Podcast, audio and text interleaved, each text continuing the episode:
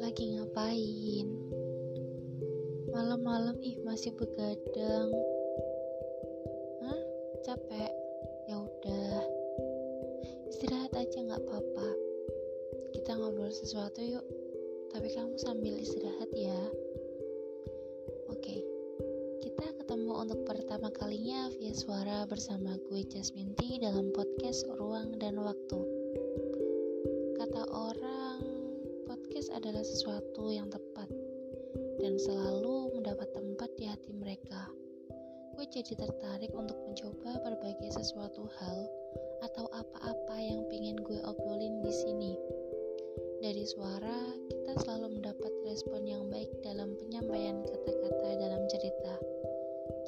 dengerin baik-baik ya, untuk pembahasan kali ini kita bakal ngobrol tentang perihal datang dan pergi. Beberapa dari kalian mungkin pernah merasakan apa yang gue rasain sih tentang sebuah perjumpaan yang aku anggap sepele seperti embusan angin malam tapi karena sesuatu yang terkelasi itu membuatku muak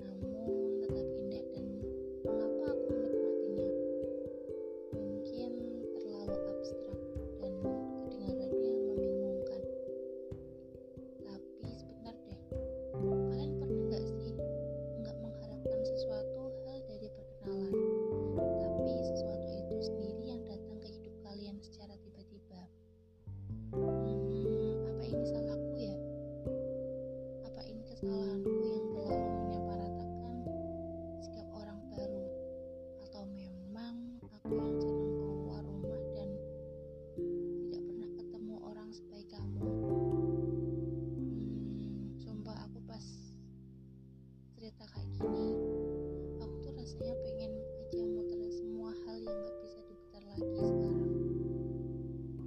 Pada awalnya, aku nggak pernah peduli kamu ngobrol sama siapa pun